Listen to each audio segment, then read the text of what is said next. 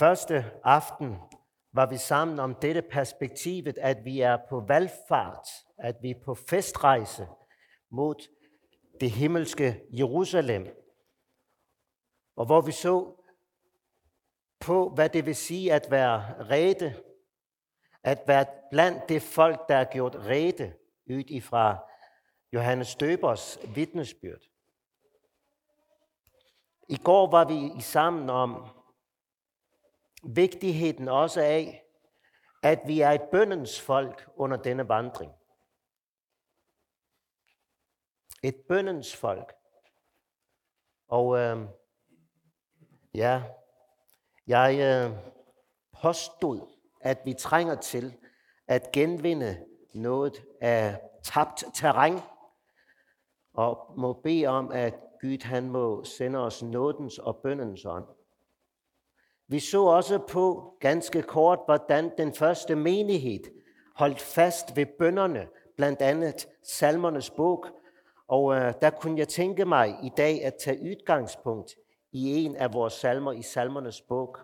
Men inden vi går videre, der vil vi bede sammen endnu en gang. Ja, Jesus, nu har vi sunget jeg tror på korsets gåde. Jeg beder om, at det ikke bare må være en sang for os på vores læber, men at det må være hjertets sang. Jeg tror på korsets gåde. Gør det frelser af din nåde. Stå mig bi, når fjenden frister. Herre, giv os denne erkendelse af, at der er en fjende, der frister. Og ræk du mig der hånd, når øjet brister. Når jeg kommer frem også til min sidste dag på denne jord. Sig da til mig, vi går til paradis. O Jesus, læg du dette ind over os på ny. Vi er et folk, der går mod paradis. Mod den nye himmel og en ny jord, hvor retfærdighed bor. Og giv os da ikke at blive modløse her i tiden, under tidens kår og modstand. Ikke at blive modløse på grund af synden og fristelserne i mit liv. Men giv os en frimodig ånd, i dit navn, Jesus. Amen. Det er salme 50, vi skal være sammen om. Salme 50. Og øhm, jeg vil gøre det slik, at jeg tager lidt vers, nogle få vers af gangen. Så det bliver ikke slik, at vi læser det hele fra en begyndelse. Det er en salme af Asaf. Den almægtige, Gud Herren taler og kalder på jorden. Fra solens opgang til dens nedgang. Egentlig så står der her på hebraisk El, Elohim, JHVH. Det er sådan tre navne for Gud. Og skulle man oversætte det lidt mere korrekt, så var det kanskje, at Gud, Gud, Gud taler. Det er sådan tre forskellige navne på Gud. Det er han, som taler her. Gud, Gud, Gud taler. Og der blev det så stærkt for mig for vel en uges tid siden at meditere og grunde over denne salme. Gud er en Gud, der kalder på jorden. Ja. Der er en Gud, der kalder på jorden. Og det er fra solens opgang til dens nedgang. Altså hele vejen rundt. Alle jordens folkeslag. Dem kalder Gud på. Hvor taler han fra? Jo, vers 2, fra Sion. skønhedens krone. Fra Sion, skønhedens krone. Og når jeg siger før, eller når jeg sagde før, at jeg mediterede over denne salme, der gør, betyder det, at jeg læser denne salme ganske langsomt. Og grunder over ytsavnene. Også sådan ytsavn som dette fra Sion, skønhedens krone. Hvad betyder det? Jo, Sion, det er jo Jerusalem. Men hvad er det ved den byen, der gør, at salmisten kalder det skønhedens krone? Ja, kanskje vi får lidt hjælp i det næste. Stråler Gud frem. Der er noget ved Sion, der gør, at Guds herlighed stråler. Og der fik det mig til at tænke på, hvad er det ved, i staten Sion, som stråler, og som er et udtryk for, at Gud stråler. Og der kom jeg til at tænke på tabernaklet, på åbenbaringsteltet. Og øhm, der er det jo sådan, at ved dette tabernakel og senere templet i Jerusalem, der var der to steder, hvor lyset strålte. Det ene sted, det er ved brandofferalteret. Nu har jeg sat to cirkler, det er fordi, der er to vigtige steder ved dette tabernakel, ved åbenbaringsteltet. Det er brandofferalteret, og så er det det allerhelligste, hvor nådestolen stod. Men spørgsmålet er, hvor møder vi Guds stråleglans? Ja, havde det været en time med en ungdomsforsamling, hvor man kunne stille spørgsmål og få svar, der vil jeg have spurgt, hvad tænker der? Jo, det ene sted, det er ved det daglige brandoffer. Det blev bragt morgen og aften og forkyndte søndernes forladelse morgen, søndernes forladelse aften. Og på baggrunden af dette offer kunne Gud bo i deres midte. Dette offer, morgen og aften, blev afsluttet med, at præsten gjorde noget meget mærkeligt. Han tog noget mel, der kalder det også mel, ikke også? Som man bruger til at lave brød med. Ja, mel. Og noget olie og noget røgelse. Denne blanding hældte han på brand og for alteret. Hvad skulle det til for? jo, når du hælder mel, olie og røgelse på glødende kul, der antændes ild, olien. Når du hælder olie på ild, der står der en ildflamme op, som symboliserer Guds hellige nærvær. Melet skaber en rygsøjle, slik at Guds hellighed er skjult. Og røgelsen skaber en vældig duft. Vi har Guds velbehag på baggrund af dette offer. Guds hellighed bor midt i blandt os. Guds herlighed bor midt i blandt os.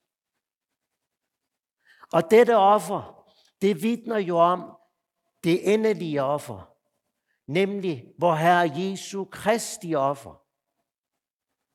Ja, og det var da jeg kom til at tænke på påskesalmen. Hild dig, frelser og forsoner. Hans tornekrans.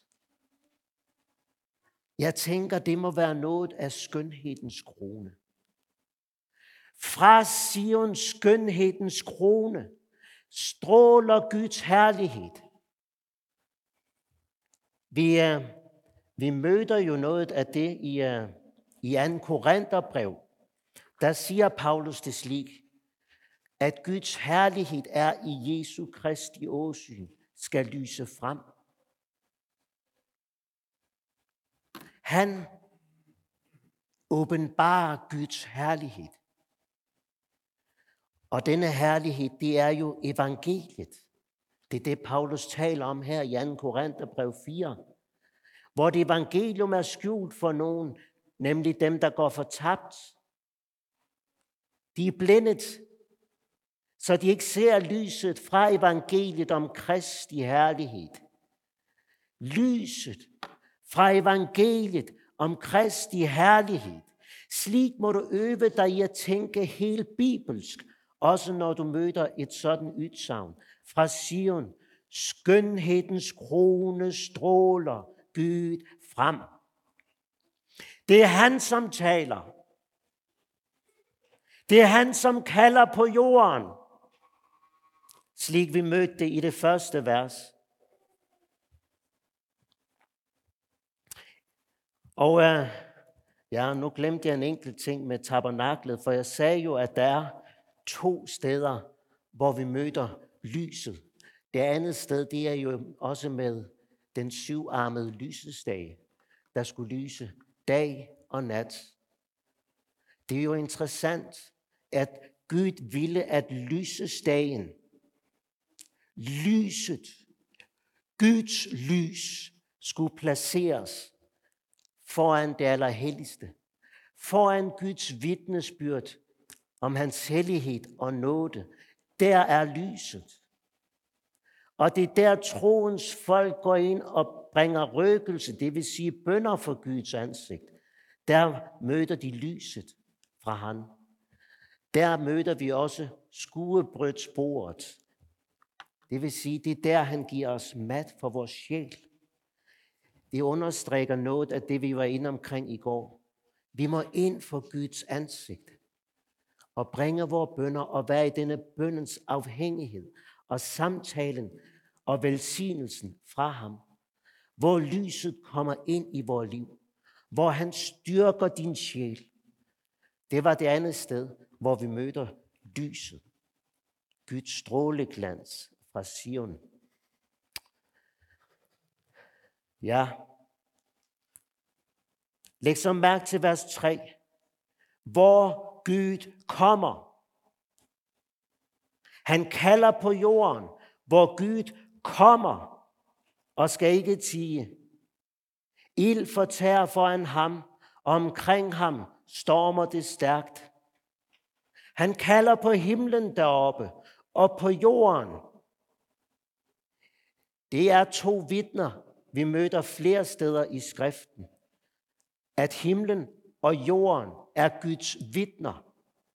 Han indkalder dem for at dømme sit folk. Vers 4. Og der måtte jeg stoppe op. Der blev jeg lidt urolig. Gud, som taler fra skønhedens krone, han vil nu til at dømme sit folk. Jeg blev lidt urolig. Og jeg tænkte, gad nok vide, hvor ender dette? Jeg synes, der kan være noget skræmmende over dette, at Gud er dommeren. Ja, jeg siger til mig selv, Dan, pas nu på, for det kan jo både være frifindelsesdommen, og så er det jo skønt at møde den Gud. Det kan også være dødsdommen. Det, der er så stærkt i denne salme, det er, at du møder begge dele. Først frifindelsesdommen. Han, som er kommet for at dømme sit folk. Vers 5. Samle mine fromme til mig. Der blev jeg opmuntret. Det er mine fromme, han taler til. Hvem er disse fromme? Jo, det er dem, som har indgået pagt med mig ved offer. Indgået pagt med mig ved offer. Ja, jeg har allerede nævnt det. Offeret, slik vi også møder det i åbenbaringsbogen. Værdig er lammet, som blev slagtet til at få magt og rigdom og visdom og styrke og ære og pris og velsignelse. Gud har indgået pagt med os ved offeret, ved Kristi offer. Og det er dem, han samler, mine fromme. Tænk sig, du bliver kaldt Guds fromme. Samle mine fromme på dansk, der står der mine trofaste. Kald mine trofaste sammen. Og der tænkte jeg, nej, det er jo det, der er problemet. Jeg synes ikke, jeg er så trofast, slik jeg burde være. Nej, men når Gud kalder dig min trofaste, så er det på baggrund af pakten, på baggrund af Kristus. Du som trænger til Jesus, fordi du er, som du er, utro. Ja, selv du kaldes mine fromme på baggrund af offeret. Og himlen forkynder vers 6, hans retfærdighed. Der har du dommen. Han erklærer dig retfærdig. Jeg var inde omkring det i går, men det er så vigtig en sag, så nu må jeg belyse det med et andet vers. Det er fra Romerbrevet 5. Det her, det er altså to nøglevers, når det gælder det, at Gud han dømmer dig retfærdigt. Og du kan jo nemt huske det, fordi øhm, vers 9 og 19, det minder jo næsten om hinanden. Så vi skal hen i Romerbrevet 5, 9 og 19. Det taler om de, det Gud han gør, når han erklærer dig retfærdig. Du er retfærdiggjort i kraft af hans blod. Det vil sige, at han har taget ansvaret for din søn. Jeg nævnte det i går. Ansvaret blev lagt på ham. Men den anden side, der også er retfærdiggørelsen, det er, at han, du erklæres retfærdig ved Jesu lydighed. Hans lydighed bliver din. Der kan du rejse dig op og sige, ja, jeg er blandt hans fromme. For Jesu fromhed, det er din. Åh, hvor er det skønt, når han taler sligt fra skønhedens krone og kalder sit folk sammen og siger, du er min, du er min fromme. Og det er du på baggrund af hans retfærdighed. For Gud er selv den, som skal dømme. Og videre, vers 7. Hør mit folk, jeg vil tale. Israel, jeg vil vidne for dig.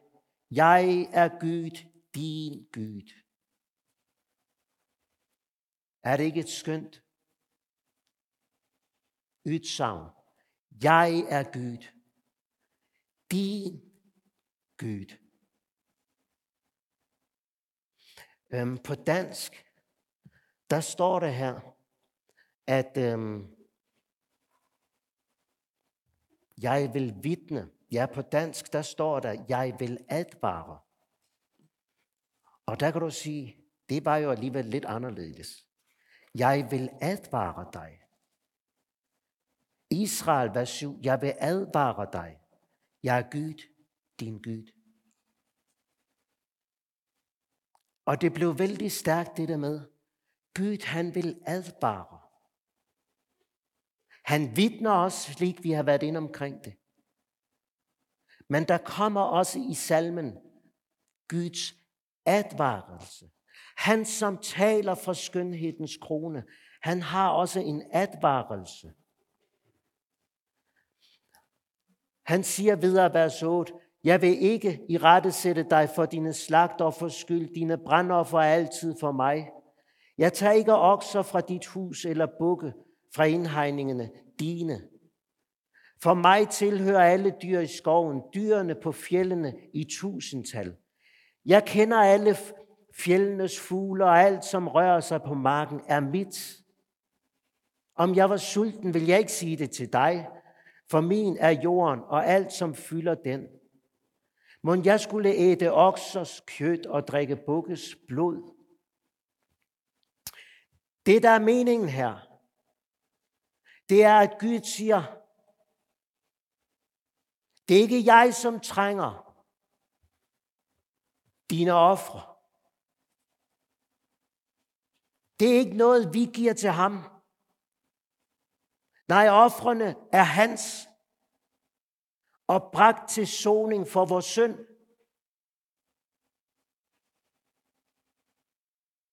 Så det Gud, han siger, det er ikke det, jeg trænger.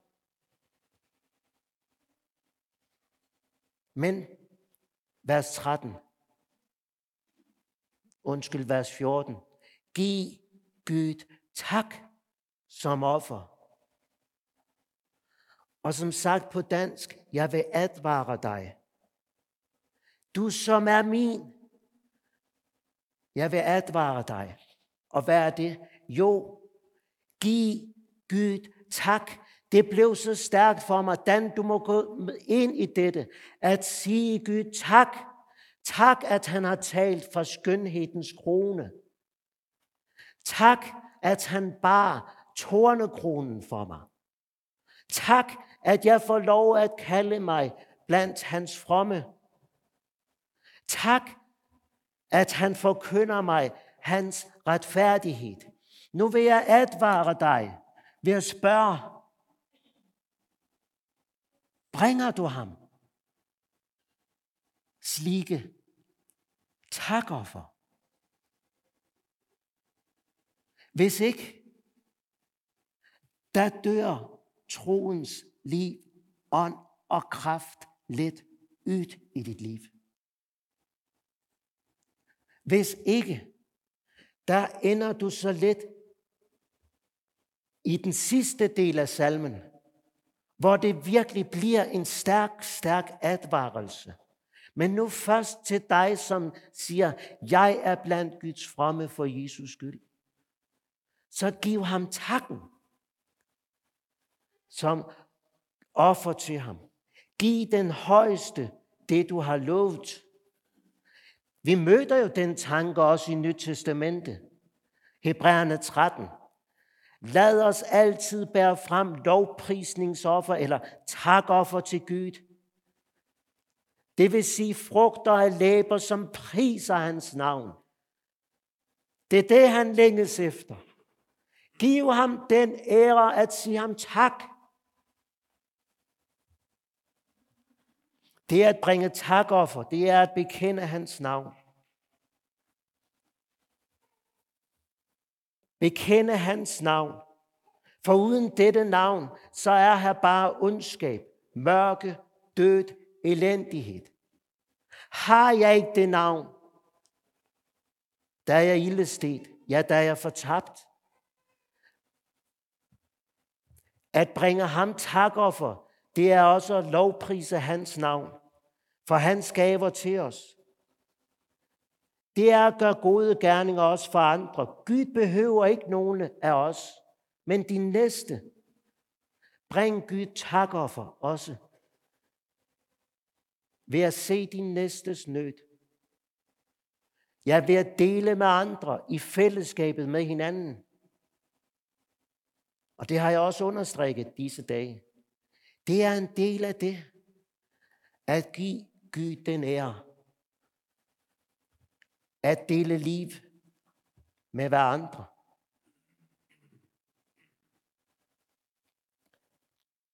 Både tid, gæstfrihed, men også at give til Guds riges arbejde. Romerbrevet taler, taler jo også om det. At bringe jeres læmer som et levende og helligt offer, der er Gud til behag. Det er jeres Guds tjeneste. Det er denne opmundring, salmen føres ind i. Øhm, nu må jeg tilbage her, fordi øhm, vers 14. Giv Gud den tak som offer, og giv den højeste det, du har lovet. Der er der kanskje nogen af jer, der tænker, har jeg lovet Gud noget? Er det ikke kun i Gamle Testamente, at man lover Gud det ene eller det andet?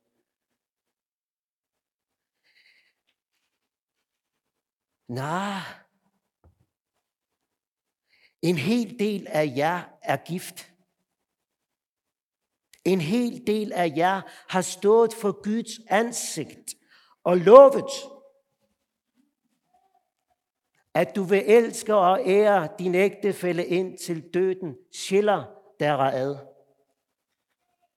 Giv den højeste det, du har lovet. Gå ind i det, og elsk din ægtefælle. Slik skriften taler om det.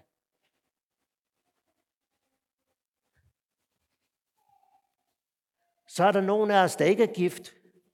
Har jeg lovet Gud noget? Ja, da jeg blev konfirmeret, der sagde jeg, ja, jeg vil høre Jesus til. Det er jeg, der lød fra ham i dåben. Det sagde jeg ja til. Du som er så frimodig, at du kalder dig en kristen. Du går ind under det navn og siger, det navnet er min redning. Det navn knytter jeg mig til, fordi han har knyttet mig til sig. Du som bekender Jesu navn, giv den højeste det, du har lovet. Og når du gør det, der er det jo interessant, at der kommer der vers 15 også dage med nød. Kald på mig på nødens dag. Er det ikke underligt? At der kommer dage med nød. Også når man vandrer med Herren. Nej, det er jo egentlig ikke så mærkeligt. For du lever på en falden, syndig jord. Og nogle af dere kender det jo også.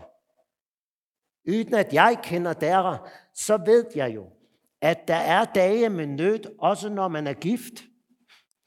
Der går kanskje nogle uger eller måneder, så kommer der også dage med nød. For man finder ud af, at den, som jeg har giftet mig med, er jo en synder. Ja. Hvad gør du på de dage? Der, hvor du har givet Gud og lovet Gud at elske indtil døden skiller jer. Hvad gør du på de dage, hvor nøden trænger sig ind i ægteskabet deres? Jo, siger Guds ord, kald på mig på nødens dag.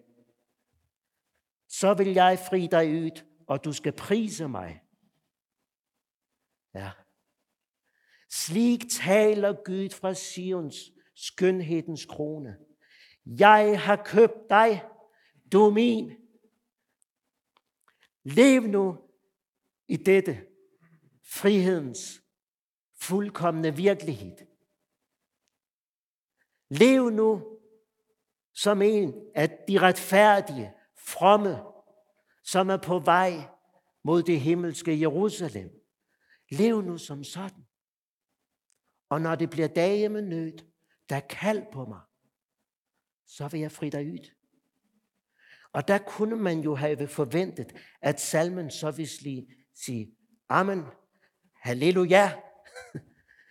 Men der bliver det utrolig stærkt for mig med vers 16. Men til den ugydelige, siger Gud. Og det er jo mærkeligt, at vi nu skal høre om ugudelige. For i vers 7 læste vi jo, Hør mit folk. Kan der være ugydelige i blandt Guds folk? Ja, det er jo det, det kan. Og det er derfor, at vi også må høre denne advarelse. Du kan sidde her i blandt Guds folk og være blandt de ugydelige. Hvordan ved du, om du er blandt de ugydelige? Jo, det får du en forklaring på. Til den ugydelige siger Gud, hvad har du med at fortælle om mine love og tage min pagt i din mund? Du hader jo tugt og kaster mine ord bag dig. Her møder du en meget, meget stærk advarelse fra han, som taler fra skønhedens krone. Gør ikke det, at du sætter og hører Guds ord, og så tager du Guds ord og kaster det bag dig. Slik gør de ugydelige. Slik må det ikke være med dig. Det er Guds advarelse.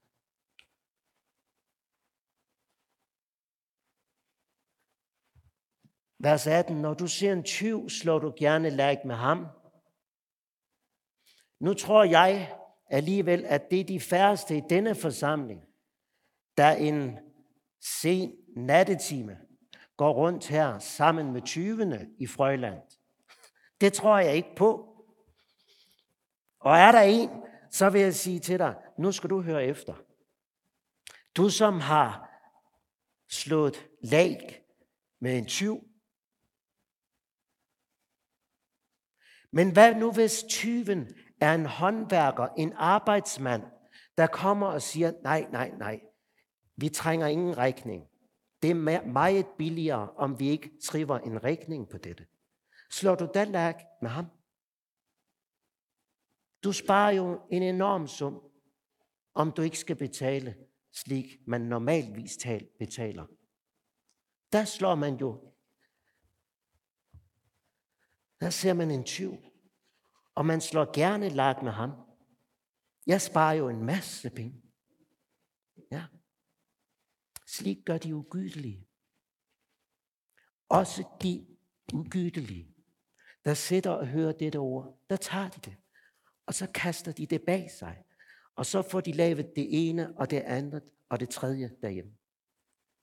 Og sparer en masse penge eller finder nogle veje i skattesystemet, slik at du kan unddrage dig forskellige skatteudgifter. Fifler hele tiden, forsøger hele tiden at finde en vej på det økonomiske område, slik at jeg får mere til mig selv. Der skal jeg hilse dig og sige, at Gud, Gud, Gud taler. Han kalder på jorden. Du er ved at ødelægge dette jord og dette samfund, han har givet os til velsignelse. Du som slår lak med 20. Eller med ægteskabsbrydere gør du fællessag. Ja. Også her har Gud et ord til advarelse også ind i vores sammenhæng. Du sagde ja for Guds ansigt, indtil døden skiller der ad. Men det er blevet så nemt i dag, at bryde det ægteskab. Og sidder du her, for hvem det er sket, der vil jeg sige til dig, han taler endnu fra skønhedens krone. Også den sønnen bar han.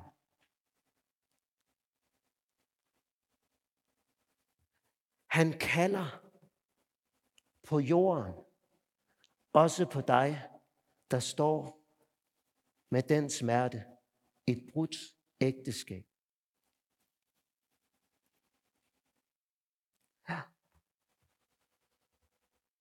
Med ægteskabsbryder gør du fælles sag. Og mange, mange, mange kender til den fristelse at gøre fællesskab i dette. Bag skærmen derhjemme. Åh, det er så nemt der at begå utugt og urenhed i dag. Er det din kamp? Der kast ikke Guds ord bag dig, men hør, Gud, Gud, Gud taler, og han kalder på dig. Tag ikke hans navn i din mund, og hvad er hans navn, ved samtidig at kaste hans ord bag dig. Eller for det tredje, din mund slipper du løs med ondt, og din tunge spænder svig. Du sætter og taler mod din bror, og du bagtaler din mors søn, når du sætter sammen med de fromme og drikker kaffe. Og der er det så enkelt at bagtale dine brødre og søstre og spænde svig. Og det er så enkelt at sætte der og kaste Guds ord bag sig. Nu må du høre Guds advarsel. Og også bekende om dette er din søn. Vend om fra det. Du hader jo og kaster mine ord bag dig.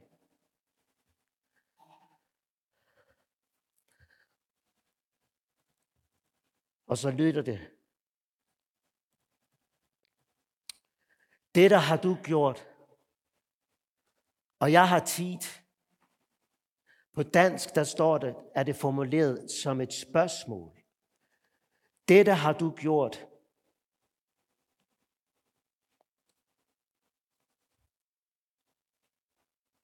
Sådan gør du. Skulle jeg så tige? Og jeg synes, det er så stærkt med dette spørgsmål. Skulle jeg så tige? Du som stjæler, du som bryder ægteskab. Du som ødelægger et andet menneskes navn og rygte, skulle jeg tige? Nej. Gud, Gud, Gud taler. Han, som taler fra skønhedens krone. Det er jo dette.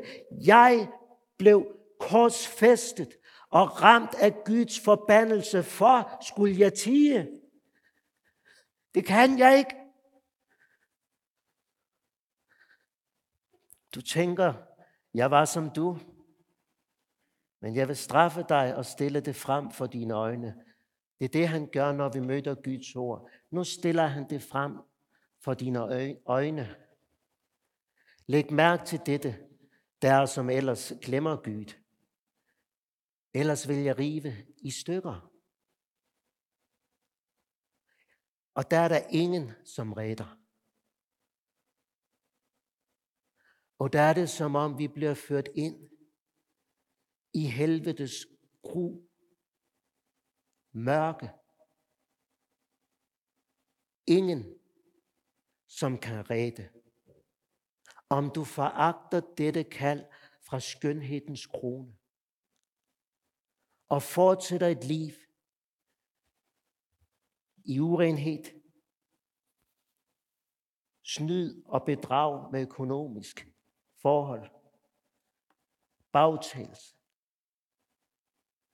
Der ringeagter du jo det offer, der blev bragt for din søn.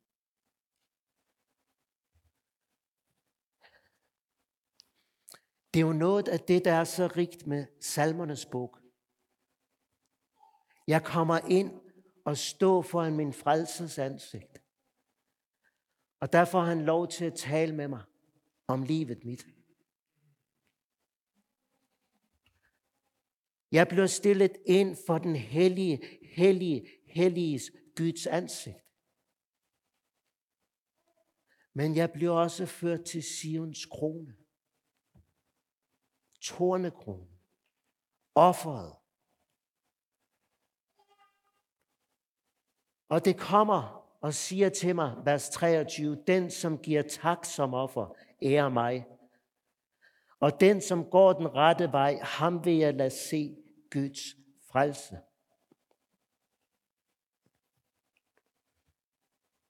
Er du blandt dem, som takker Gud? Lytter takken fra dine læber? Hvis ikke, der er det, at også de sønder, salmen har talt om her, så let får magten i livet dit. Den, som går den rette vej, ham vil jeg lade se Guds frelse. Den rette vej, ja nemlig dette, at tale sandhed. At være af sandheden. Den, som giver tak og ærer mig. Hvad vil det sige? Hvordan gør man det? Hvordan giver man Gud tak? Hvordan giver man Gud ære? Og ser du, der er jeg så vældig glad for også sammenhængen i salmernes bog. For jeg tror ikke, det er tilfældigt, at vi derefter har den stærkeste, rigeste salme i salmernes bog, nemlig salme 51. Der tror jeg, du får hjælpen til nu også at gå ind i dette, at give Gud tak og ære ham, ved at gøre med David og sige, vær mig nådig Gud. Nu skal vi ikke gå ind i den salmen, men blot for at pege på, det er ikke tilfældigt, som man også har stillet salmerne op efter hinanden. Her er vejen. Vejen ind på den rette vej. Ind for Guds ansigt. Slik taler Gud fra skønhedens krone. Slik advarer han. Og der håber jeg og beder til, at du også må høre denne røst fra himlen. Fra ham, som kommer. Herre Jesus,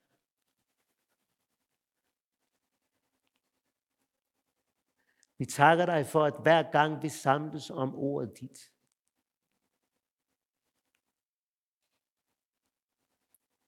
der samles vi foran dig, som er dommeren. Og foran dig, som er vort offer. Du, som har bragt et evigt gyldigt offer til soning for vores synd. Herre, jeg beder om, at du må gøre den gerning i vores liv. At du føres ind i dit sandhedslys hvor du lærer os at tale sandhed og være af sandhed. Både den sandhed at bekende vores synd for dig, men også den sandhed, at vi har læber, der bekender dit navn. Lovpriser dine gerninger. Tak, Jesus, at du gav os dit navn, at bekende imod al synd. Dit frelsernavn.